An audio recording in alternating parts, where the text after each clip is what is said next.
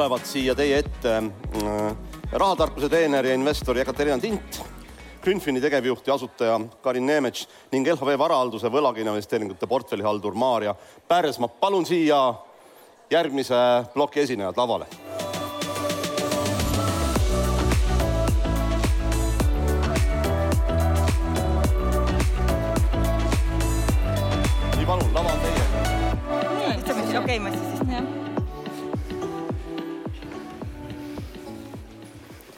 mul on täpselt äh, kell selle ilusa puu taga, et ma kindlasti ei jõua teile öelda, et äh, nüüd on aeg lõpetada meie suurepärast vestlust.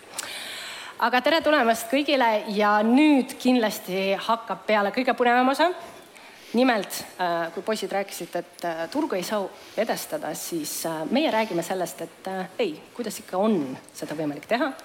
ja selle juures ka maailmale head teha ja teeme väikse tutvustusringi, et miks oleme just meie täna siin sellest teemast rääkimas. Äh, mina olen Ekaterina Tint, äh, koolitaja, investor, blogija. Mina isiklikult eelmise aasta lõpus, kes Instagramis vist juba postitasin, eelmise aasta lõpus hakkasin ka oma portfellid jätkusuutlikumaks muutma ja pidevalt äh, olen vaadanud, et mis toimub sustainability investing us, impact investing us, et kuidas äh, see trend, roheline trend, kuidas ta tegelikult juba edestab turge. ja sellega kaasa sõitnud ja Karinega me oleme koos podcast'i teinud.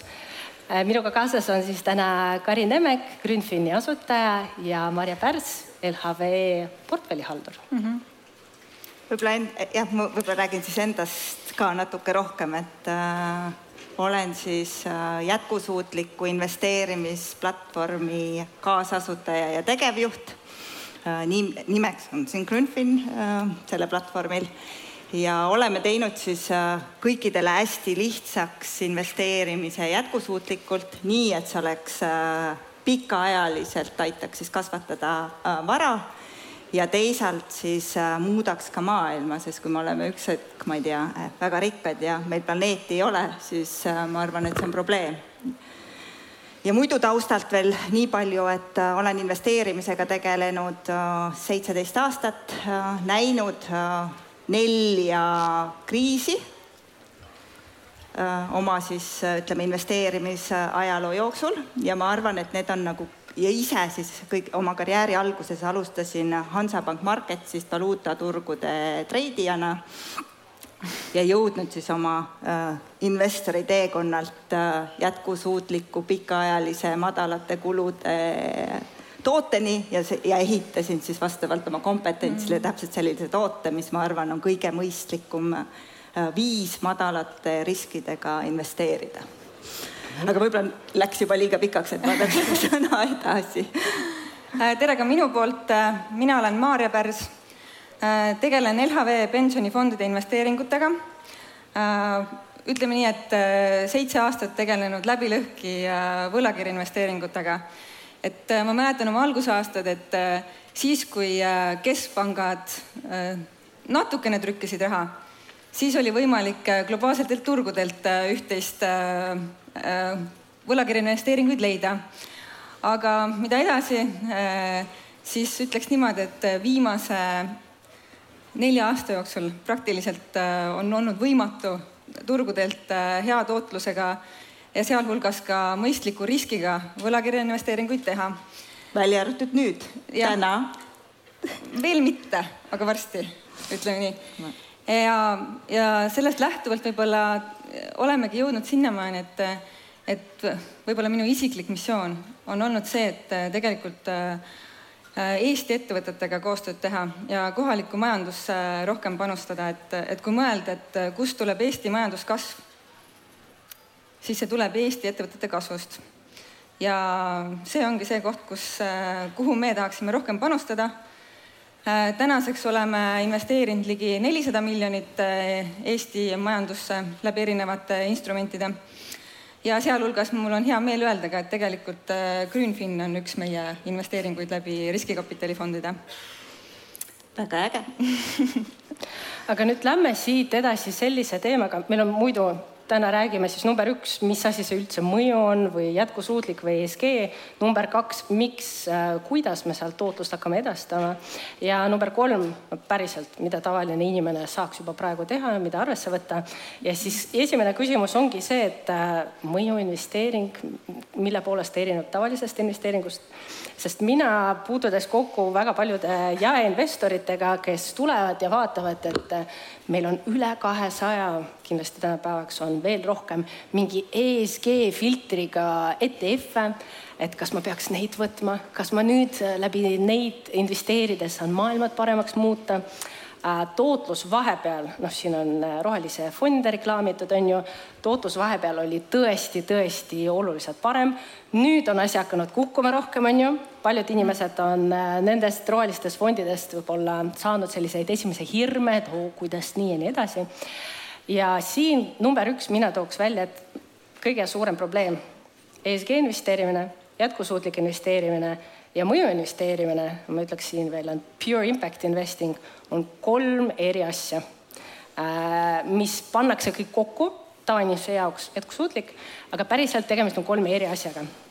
Karin saab kindlasti äh, jagada seda, et number üks, ESG investing, et kui ma lihtsalt võtan arvesse ESG skoori, mida tänapäeval mul pakub MSCI, Sustainalytics, kui ma Morningstari lähen äh,. igas kohas, kus teil maakler on, arvatavasti seal on ESG skoor, mida te vaatate või ta pakub teile seda impact'i mõju kohta informatsiooni. et tavaliselt see ei ole mõjuinvesteering, on ju. Äh, mis ESG skoori taga peitub, on see, et nad hindavad erinevaid riske. Bloombergis oli selle kohta hästi palju näiteid, et pigem seal hinnatakse, kuidas need ESG-st tulenevad riskid mõjutavad ja või võivad mõjutada seda väärtpaberit ja aktsiat äh, no ESG riskide taga põhimõtteliselt, kui see on kinnisvarafond ja tal on majad kõik seal kuskil mere juures, on ju beachfront siis äh, arvatavasti kahekümne, kolmekümne aasta pärast äh, tootlus tuleb hästi madal. Äh, sotsiaalriskid, viimane skandaal, mis oli? Tesla ei saanud ESG indeksisse sisse mm.. kuidas see võimalik on, et ettevõte, mis teeb elektriautosid, ei saanud ESG indeksisse sisse? mis see vastus on? ongi see, et ESG indeksi sees S oli tugeva riski all, et töötajaid ei kohelda liiga hästi, on ju väga palju skandaale, isegi streike Tesla kukkus sealt välja. et see ESG fonde on järjest kasvanud. Äh, me mäletame, finantssektor vastab lihtsalt nõudlusele. Äh, fondid teenivad selle pealt raha. aga nüüd, mis siis päriselt jätkusuutlik on ja mõjuinvesteering on? Äh, kas ma võin korraks siia lisada, et, et kuidas nagu sa rõhutasid need ESG investeeringud, et, et võib-olla kuidas meie üldse seda ESG-d vaatame fondide vaatest, et, et tegelikult see on lihtsalt üks osa heast juhtimisest.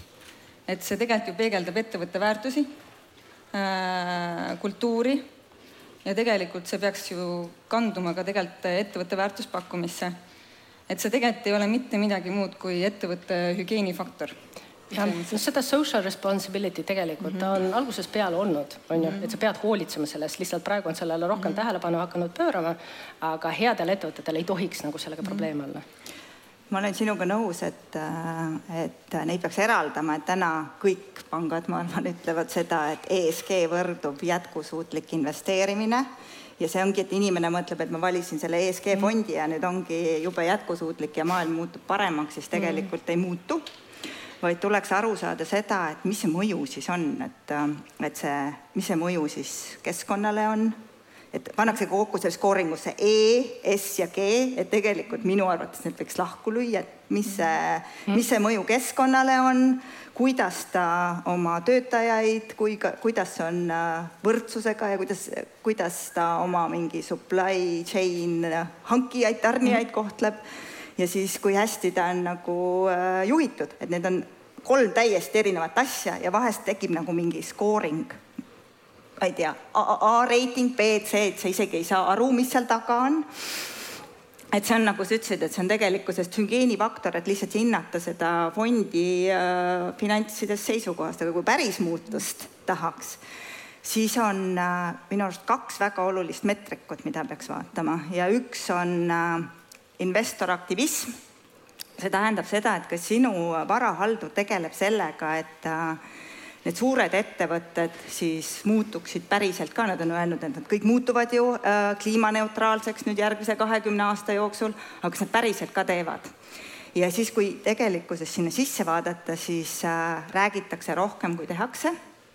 ja siis selline koht nagu Grünfil, nagu meie oleme, koostöös äh, Sheer Actioniga oleme siis äh, võtnud äh, luubi alla need ettevõtted, et konkreetselt äh, Deutsche Panga annual meeting ul, siis me käisime küsimas sellist küsimust, et äh, kas te investeerite Ida-Aafrika äh, oil pipeline'i tegemisse, mis on siis tuhandekilomeetrine uus äh, uus siis õli pumpamise tegemise pipeline ja sellisele aktsionäri survele hetkel tundub, et nad ei tee seda.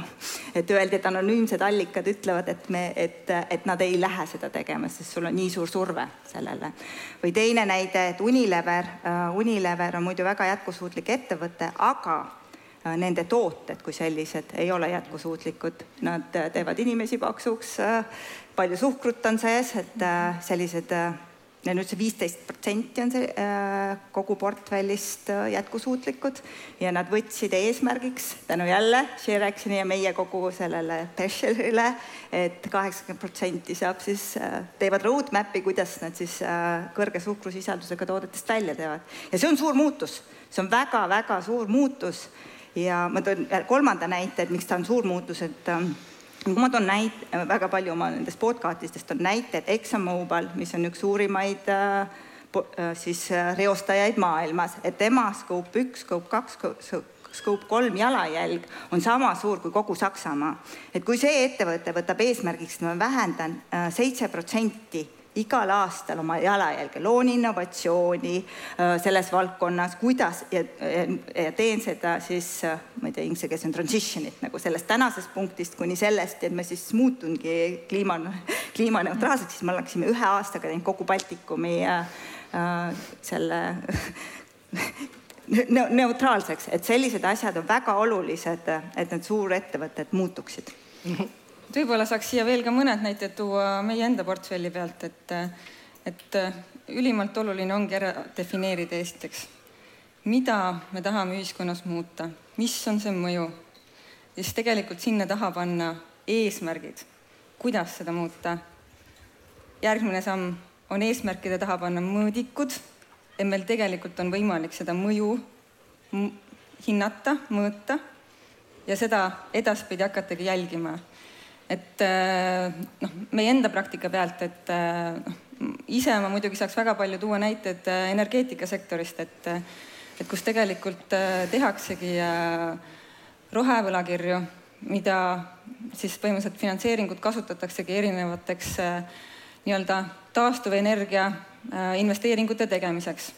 väga konkreetne mõju, raha on suunatud keskkonna jaoks nii-öelda kasulike investeeringute tegemiseks.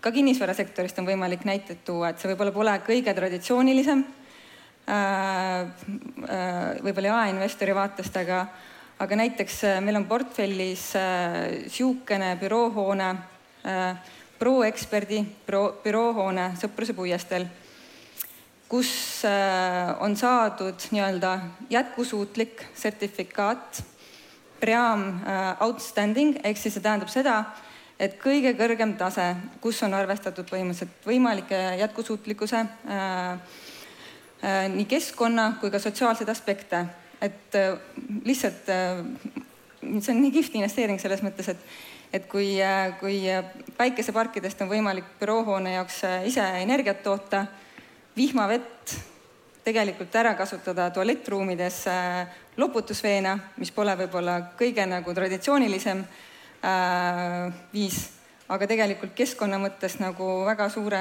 mõjuga äh,. ka sotsiaalsetest aspektidest mõeldud töötajate peale, et sisekliima on nagu väga oluline, et nii äh, valguse kui ka kliimaseadmete mõttes, et, et nüüd, kui mõelda, et kas äh, kas, kui tootlik see on siis me võime öelda, et tegelikult äh, rent on seal võrreldes teiste büroohoonetega viisteist protsenti kallim. nõudlus on tohutu sellise büroohoone järgi. ja kui sa mõtled, et äh, mis ta kulupoolega teeb, nii-öelda kommunaalkulud on väga minimaalsed.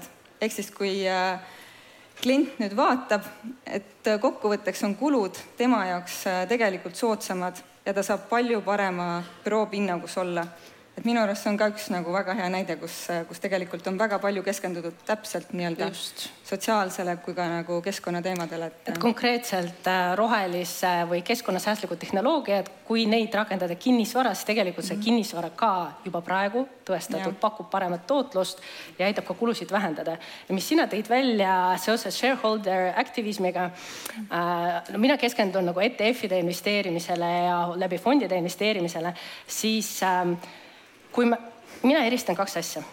number üks, kuidas sa saad maailma päästa äh,. läbi fondide investeerimise tunnistan mina investorina päriselt nagu no ei muutu midagi maailmas läbi selle, et äh, ma ostan kellegi teise käest mingi ettevõtte aktsia või ma müün selle Exxoni aktsia kellegi teisele investorile, kes jätkuvalt seda omab. tõesti, läbi selle midagi ei muutu. Äh, aktivism ongi ainus viis, kuidas äh, on võimalik ka neid fonde, mis võib-olla praegu arvestavad ESG riske, mis ei ole mõjuinvesteering, aga lihtsalt arvestavad ESG riske, et kuidas päriselt survestada ettevõtteid maailma paremaks muuta. ja samal ajal, kusjuures, et kui nad võtavad arvesse neid näiteks uusi rohelisi tehnoloogiaid äh, läbi nende maineparanduse, uuringud tõestavad, et kui ettevõte hakkab enda ESG skoori parandama, siis äh, üks uuring ongi näidanud, et ka aktsia tootlus ja volatiilsus hakkab, hakkavad vähendama. et läbi selle on juba see tootluse edestus tulemas aga mina tooksin ka sellise asja sisse, et on olemas konkreetne nüüd meil tänu Euroopa Liidu äh, taksonoomiale konkreetne definitsioon, mis jätkusuutlik on. et mina eristan veel päriselt jätkusuutlikke ettevõtteid ja ka pure impact, puhas äh, mõju investeeringuid ja jätkusuutlikkusest, kui me räägime konkreetselt, sul on kuus eesmärki, keskkonnamuutuste või vabandust, selle kliimakriisi leevendamine, sellega kohandamine, äh, vee kestlik kasutus, äh, saastmise vältimine ja kontroll, mis seal veel oli? prügi äh, oli ka. jah, ringmajandusele üleminek ja biodiversity nagu edendamine. et kui ettevõte panustab ühele sellest probleemidest ja pluss does not do significant harm, et kuskil teisel ta ei saa reostaja olla, kui ta nagu, ma ei tea, toodab äh, ringmajanduselt T-särke, aga samal ajal reostab, noh, siis ei ole jätkusuutlik. et neid fonde on ja nemad saavad olla siis tumerohelised äh,, pikaajaliselt, sisuliselt need ettevõtted lihtsalt tänu madalamatele riskidele ja nendele tehnoloogiatele, mis neil on, nad hakkavad ja on juba näidanud paremat tootlust. aga siis on olemas ka pure impact ja mina investorina fondidesse investeerimisel, kes mu Instagrami vaatab, et ma novembris juba kirjutasin, et kõik, ma nihutan oma raha nüüd tumerohelisse fondi, siis ma hakkasin mõtlema, et noh, sellest nagu päriselt ei piisa, kui ma tahan turge edestada ja pluss mind, noh, ma päriselt hoolitsen sellest maailmast. ma tahaks ikka pure impact'i nagu pure impact'i ettevõtetega tegeleda. ja mul oli üks äh, huvitav vestlus Limitless äh, Impact fondi asutajaga ja tema ütles sellist nagu asja, et kuidas, mis see päriselt mõju on. siis ta ütles äh, sellise testi et kui sa võtad selle mõju ära ettevõttelt, siis ta lakkab olemisest. et põhimõtteliselt no näiteks minu koolitusäri on ju, et ma koolitan, mul on konkreetselt eesmärgina, et ma lahendan kestliku arengu eesmärgi, elimineerin poverty't on ju äh,, vaesust. kui seda mõju ära võtta, kas mu ettevõte lakkab olemisest? no ei hakka, selles mõttes tavaline äri on ju aga kui me võtame näiteks ettevõtte, mis ähm, tegeleb ainult sellega, et ta näiteks kasutab mingi vanad plastikud ja muudab seda uueks plastikuks, puhas impact. Äh, või üks näide sellest, et äh, Indias näiteks ei ole kiirabiteenust ja investorina finantseerida sellise ettevõtte asutamist, pure impact, nõudlus tohutu nagu rahast sa saad tagasi kätte. Äh, mina, minu viimane nagu selline mõjuinvesteering oligi see, et äh, ma lihtsalt otsisin endale välja iduettevõtteid, kes on puhas cleantech valdkonnas, mis päriselt lahendavad äh, üks neist probleeme, ringmajandus, jätkusuutlikkus, selles mõttes saan pikalt rääkida, aga no juba eile sain meili, et leiti investoreid ja valuatsioon järjest kasvavad, et nõudlus järjest on, et noh, kui me räägime turge edestamises, siis äh, ettevõtlus, kui teil on idee või teadmised, kuidas saab keskkonnaprobleemi lahendada, praegu on parim aeg teha startup ja päriselt rikkaks saab ettevõtluse käest, siis. ja võib ka tulla meie juurde raha küsima, et meile sellised projektid väga meeldivad, nii et mina võib-olla siia Ekateriinale natuke nagu sekundeeriks äh, selles osas, et ma ei ole päris nõus sellega, mina paneksin ikkagi selle impact ja sustainability, kui see ESG sealt lahku lüüa ühte, sest ma arvan, me teeme inimestele segasemaks. see, et sul on tuulepark siin äh, ma ei tea, naaberkülas sa saad küll mõju võib-olla hästi konkreetselt mõõta, aga suures pildis ei muutu mitte midagi. suures pildis muutub väga vähe. Ühiskonnad on ikka ebajätkus, ainuke viis, kuidas tegelikult maailma päästa, on läbi selle, et suured korporatsioonid muutuvad, võtavad kliimaeesmärke, needsamad päris climate aligned ettevõtted, kes on öelnud, et ma seitse protsenti igal aastal vähendan oma siis jalajälge ja liiguvad sinna suunas. ja nüüd on küsimus, kas nad teevad seda või nad lihtsalt äh, teevad rohepesu ja ütlevad, et ma siis äh, toimetan seal suunas. ma võib-olla sekundeerin sulle ka siia juurde, et äh, kõik saab alguse ikka iseendast. et, et alustame iseendast, anname ise väikse sammu ühiskonda ja sealt läheb pall veerema. aga et... minu küsimus see, et aga tu, kuidas tootlus seal paremaks muutub? Meil Marjaga oli suurepärane vestlus, kus sa nagu tõid mulle konkreetselt näited, et kuidas jätkusuutlikkuse arvestamisega kapitalile mõjub. räägiks sellest poolest ka, et mm -hmm. kui meid huvitab ja väide on see, et mõjuinvesteeringutega saab paremat tootlust mm, -hmm. siis. ma võib-olla siis äh,, kuidas mina mõtlen, et äh, investeerida saab sinna, millesse sa päriselt usud. et äh, ilmselt väärtuspõhiselt, et äh, kui me vaatame lääne ühiskonda siis mulle tundub, et enam niisugune Milton äh, Friedmanilik majanduskäsitlus, kus äh, ettevõte on ainult omanike rahamasin, et see lihtsalt kahjuks enam ei tööta. et äh, see, et, et ettevõte saaks jätkusuutlikult toimetada, et selleks tegelikult peab kõikide huvirühmade huvidega arvestama, et nii kliendid, tarnijad investorid, finantseerijad, ühiskond, ühiskonda tagasipanustamine. et seal on noh, heal aegadel võib-olla ettevõtted saavad hakkama, aga et halbadel aegadel tegelikult on oluline, et sul on kõikide huvigruppide esindajate tugi taga. et kui sa, Jekateriina, enne ütlesid, et, et kas ikka saab börsiinstrumentidesse investeerides kuidagi ühiskonnale mõju avaldada Äh, siis, äh, siis ma ütlen, et saab küll. et äh, tegelikult börsil ju sa võid investeerida aktsiatesse, võlakirjadesse, fondidesse, kinnisvarafondidesse ja nii edasi, et et varaklasse on väga-väga erinevaid, et et kui investoril tahab midagi ühiskonnas ära teha, siis ta investeerib nendesse ettevõtetesse ja tegelikult sealt ju tekib see trend mis suunas äh, ühiskond tegelikult liigub, mis ettevõtteid väärtustatakse. et äh, need ettevõtted, kes tegelikult äh, edaspidi ei tegele jätkusuutlikkuse teemadega, ilmselt juhtub nii, et nemad väga lihtsalt enam kapitalile ligi ei pääse. et see on nagu esimene koht, kus kas kapital muutub väga kalliks või ei pääsegi ligi. et lihtsalt hea näide, et äh, võib-olla enda nagu tööpraktikast, et et kui suurte ettevõtetega äh, suheldes ja, ja investeerides, siis, äh, siis nad tegelevad väga palju sellega ja, ja üha enam nagu panevad rõhku. et siis Eestis võib-olla on see alles nii lapsekingades, et et aga tahaks olla siis ka ise nii-öelda suunanäitaja ja kaasa aidata, et Eesti ettevõtted ka järjest rohkem mõtleksid nende teemade peale mitte, et tahaks survestada, ma arvan, et see survestamine on võib-olla vale sõna, aga tahaks olla suunanäitaja, et ma arvan, et tegelikult äh, üks väga suur äh, tegur ongi nii-öelda kapitalile ligipääs, mida siis kas mm. pangad või siis äh, fondid tegelikult pakkuda saavad. et sealt läheb ka üks pall veerema, kus tegelikult lõpuks need ettevõtted, kes tegelevad jätkusuutlike teemadega, on pikaajaliselt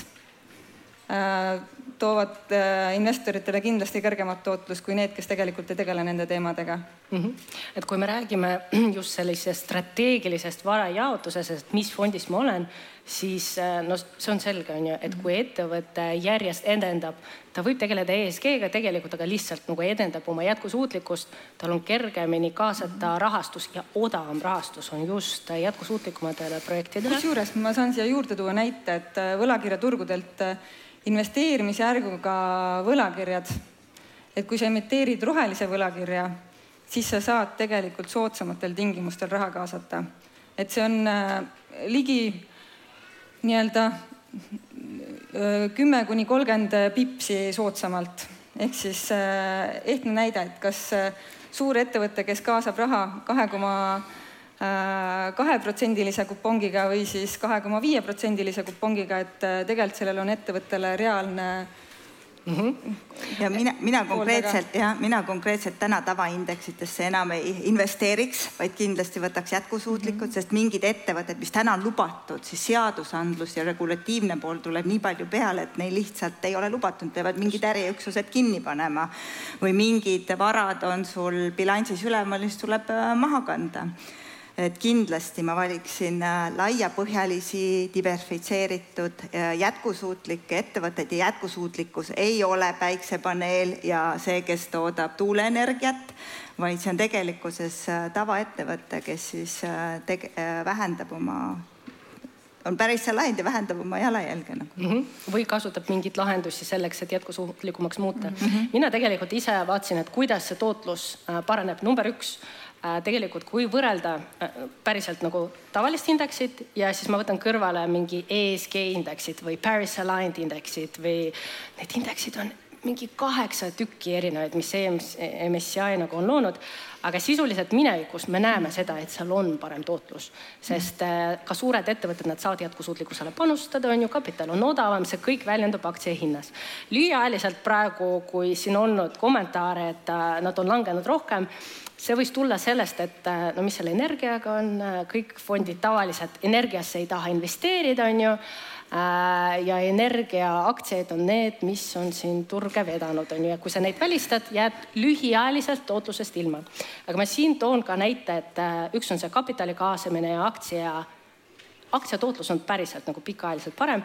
Äh, number kaks on huvitav juhtum ähm, Occidental Petroleum, äh, mis siin järjest meedias on, ma tean, et äh, Jaak tugevalt investeerib sellesse, vähemalt Instagramis postitab, et et Buffett järjest ostab, et mina ka hakkasin ka vaatama, et mis Accidental Petroleum on, naftaettevõte on ju, hakkas turge edestama.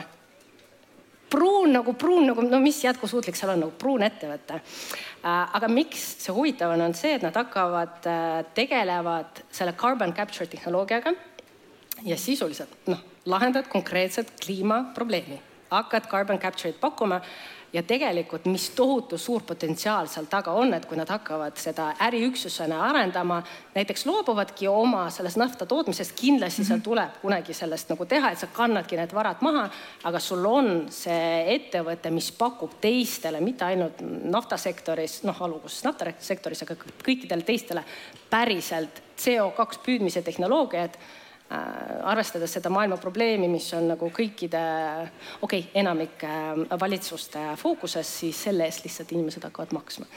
Äh, hetkel see ettevõte on mul selliselt nagu jälgimisel olnud, aga noh, ta on veidikene liiga pruun minu jaoks. no mina võib-olla läheksin oma investorkogemuse juurde, nüüd ma tahaks seda jagada.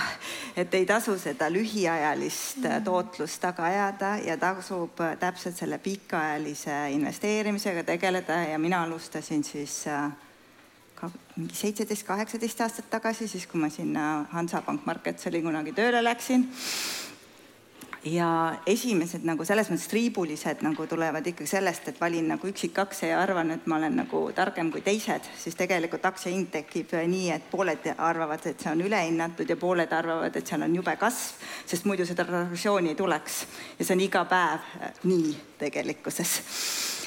ja ja sealt siis äh, tegelikult jõudsin ma selleni võib-olla varem, kui e-, Eestis võib-olla tulid need indeksfondid, et tegelikult kõige mõistlikuma madalate kuludega ja see SNP five hundred, et kui sinna nagu investeerida pikaajaliselt, äh, siis see on kõige parem, noh siis ei räägitud seda jätkusuutlikkust ja mingeid roheasju ei olnud. ja kui sa ja, ja selles mõttes on ta hea strateegia, et sulle jääb vaba aega oma tervisega tegeleda äh,, abiga, olla hea abikaasa ja mõelda seda, et kuidas tulusid teeni, te, teenida juurde, et konsulteerida teisi, sest see, et kui mul on, ma ei tea, kakssada eurot ja sellest teha siis sajaprotsendilist tootlust ühe, äh, ühe kuuga, see on nagu utoopia aga pane see, mõtle seda, et kuidas sa saad seda kakssada eurot kuskilt mujalt siis teenida, nõustades kedagi või pakkudes mingit teenust, mida sa siis oskad või oma kvalifikatsiooni tõstes, et see on oluliselt lihtsam.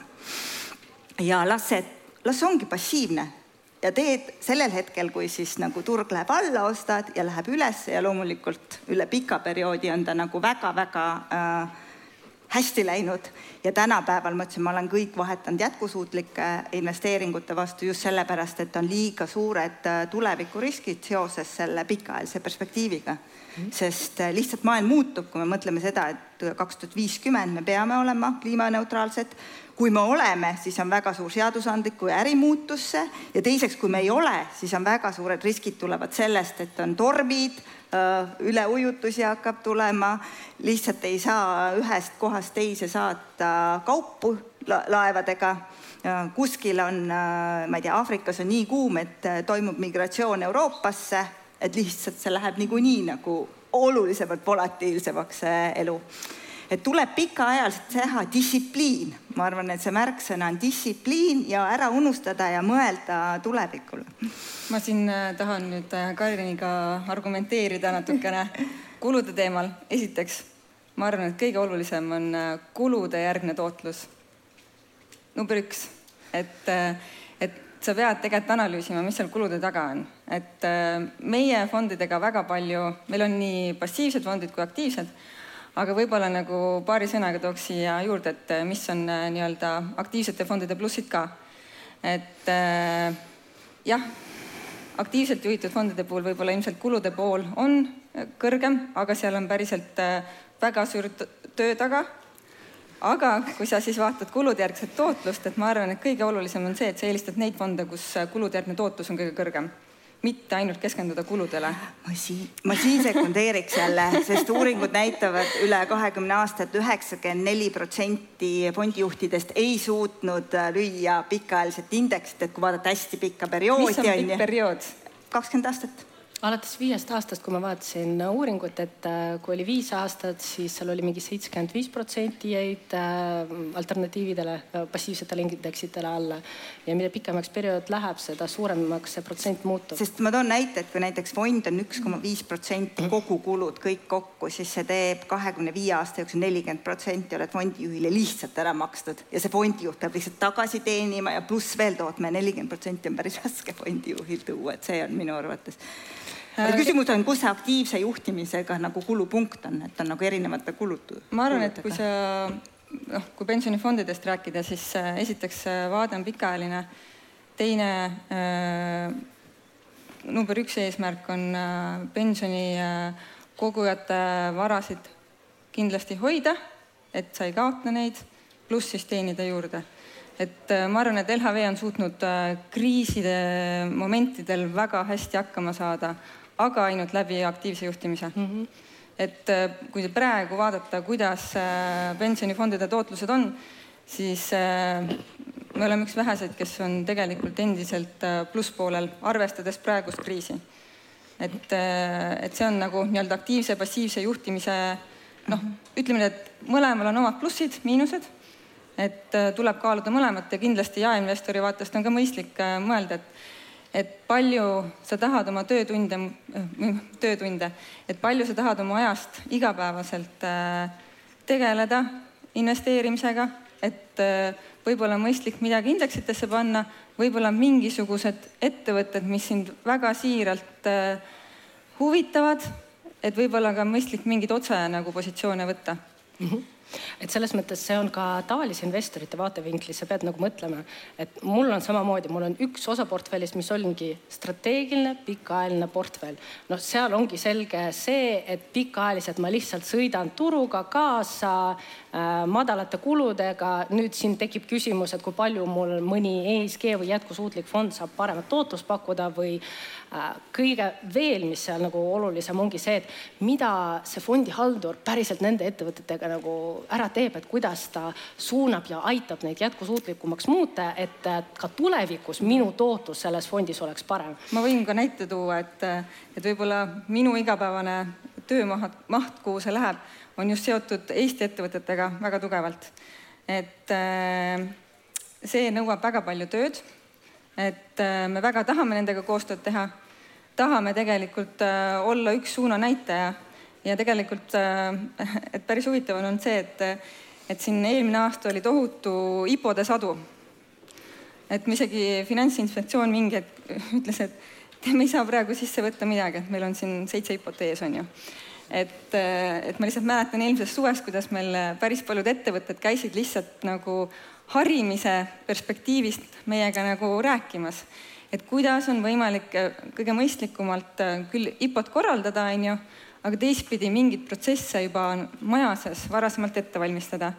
et noh, sa võid äh, võtta lahti, et sa võid võtta ühest küljest raporteerimise, on ju, et äh, lihtsalt peegeldada nii-öelda professionaalsetele investoritele, et, et mida oleks hea ka nagu kõigile ülejäänud investoritega äh, jagada pluss siis kõik igasugused juhtimislikud aspektid, et, et see, et IPO-d tegema minna, siis on vaja maja korda teha enne et seal on nagu väga suur pagas, mis on vaja enne korda teha. et, äh, et selles mõttes on olnud nagu huvitav Eesti ettevõtetega mm -hmm. koostööd teha ja, ja tahaks, et need läheksid järjest rohkem lendu, et sealt tuleb ka meie majanduskasv, nii et. Äh, ja see ongi, et ma arvan, et ühest küljest te teete hästi tänuväärset asja seal, et Eesti majandus, et see võib-olla on ainuke kõige suurem nagu e-, erinevus, et kui kõik oleksid seal kuskil mujal, siis Eestis elu nagu jää, jääks seisma, et ma arvan, see on hästi positiivne aspekt, aga siia ma tooksin investorina et on kontsentratsioonirisk, et kui sul on kõik asjad ühes nagu riigis või ühe asjaga seotud, siis tegelikult sul tekib äh, konsultatsioonirisk, mina olen näiteks oma portfellis pannud, et ma ei taha ühtegi riski, et oleks suurem kui äh, kolm protsenti. Mhm. et selles mõttes, et see on nagu minu arvates hea riskijuhtimine on äh, ühe portfelli alus, sest tegelikkuses väga raske miinuseid tagasi teha, kui mhm. väga ägedaid, ma ei tea, no keegi räägib, et krüpto ongi minu, ma ei tea, vend rääkis, et oi, tore on ju, et mhm. mine ja osta, aga siis sa pead aru saama, et mis, mis see risk seal on ja kas sa seda kannatad, et. Äh, jaa ma olen Kariniga väga nõus, et äh, muidugi sa pead seda hindama, seda riski ka regionaalselt, et äh, see ei tähenda, et me nüüd ainult äh, kogu pensionivara paneksime Eestisse, et seda me ei tee, et ega meil praegugi fondide lõikes nii-öelda kuskil kahekümne protsendi piiris nagu kokku võtta. et see on risk, mida me suudame hallata, me oleme siinsamas, me teame neid ettevõtteid, me saame nendega äh, koos asju teha.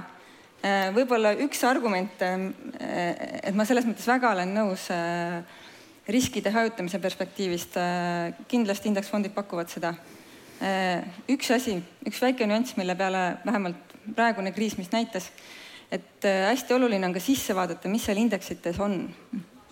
mis ettevõtted seal on ja mis kontsentratsioon seal on et, et kui me lihtsalt see viimane siin äh, kevad, mis on olnud, et äh, kui me võtame näiteks SMP five hundred, et USA suurimad ettevõtete indeks, et ütleme niimoodi, et kontsentratsioon oli väga tugevalt tehnoloogiaettevõtetele suunatud. ehk siis, kes said kõige rohkem pihta mm? tehnoloogiaettevõtted ehk äh, alati asi, mida ma tahangi öelda, et oma silm on kuningas, et kindlasti vaadata ise sisse, aru saada, mis riski sa võtad.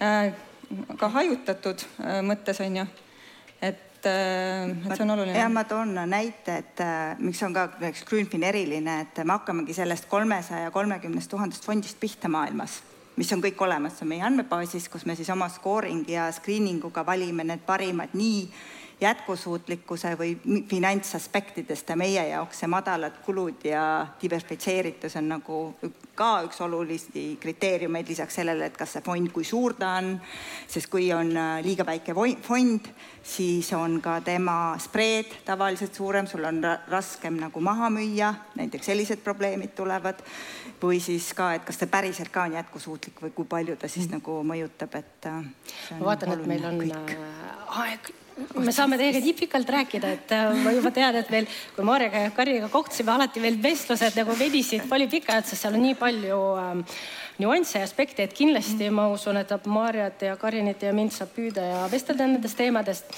võtaks mõne küsimuse. siin juba, siin on üks käsi. tuleme appi, jah. kas tuleb mõni mikrofon?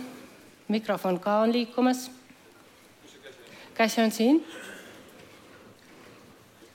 ja siis seal on juba, ma näen. ja aitäh. üks-kaks. kas mikrofon töötab ka? kohe läheb, kohe läheb tööle.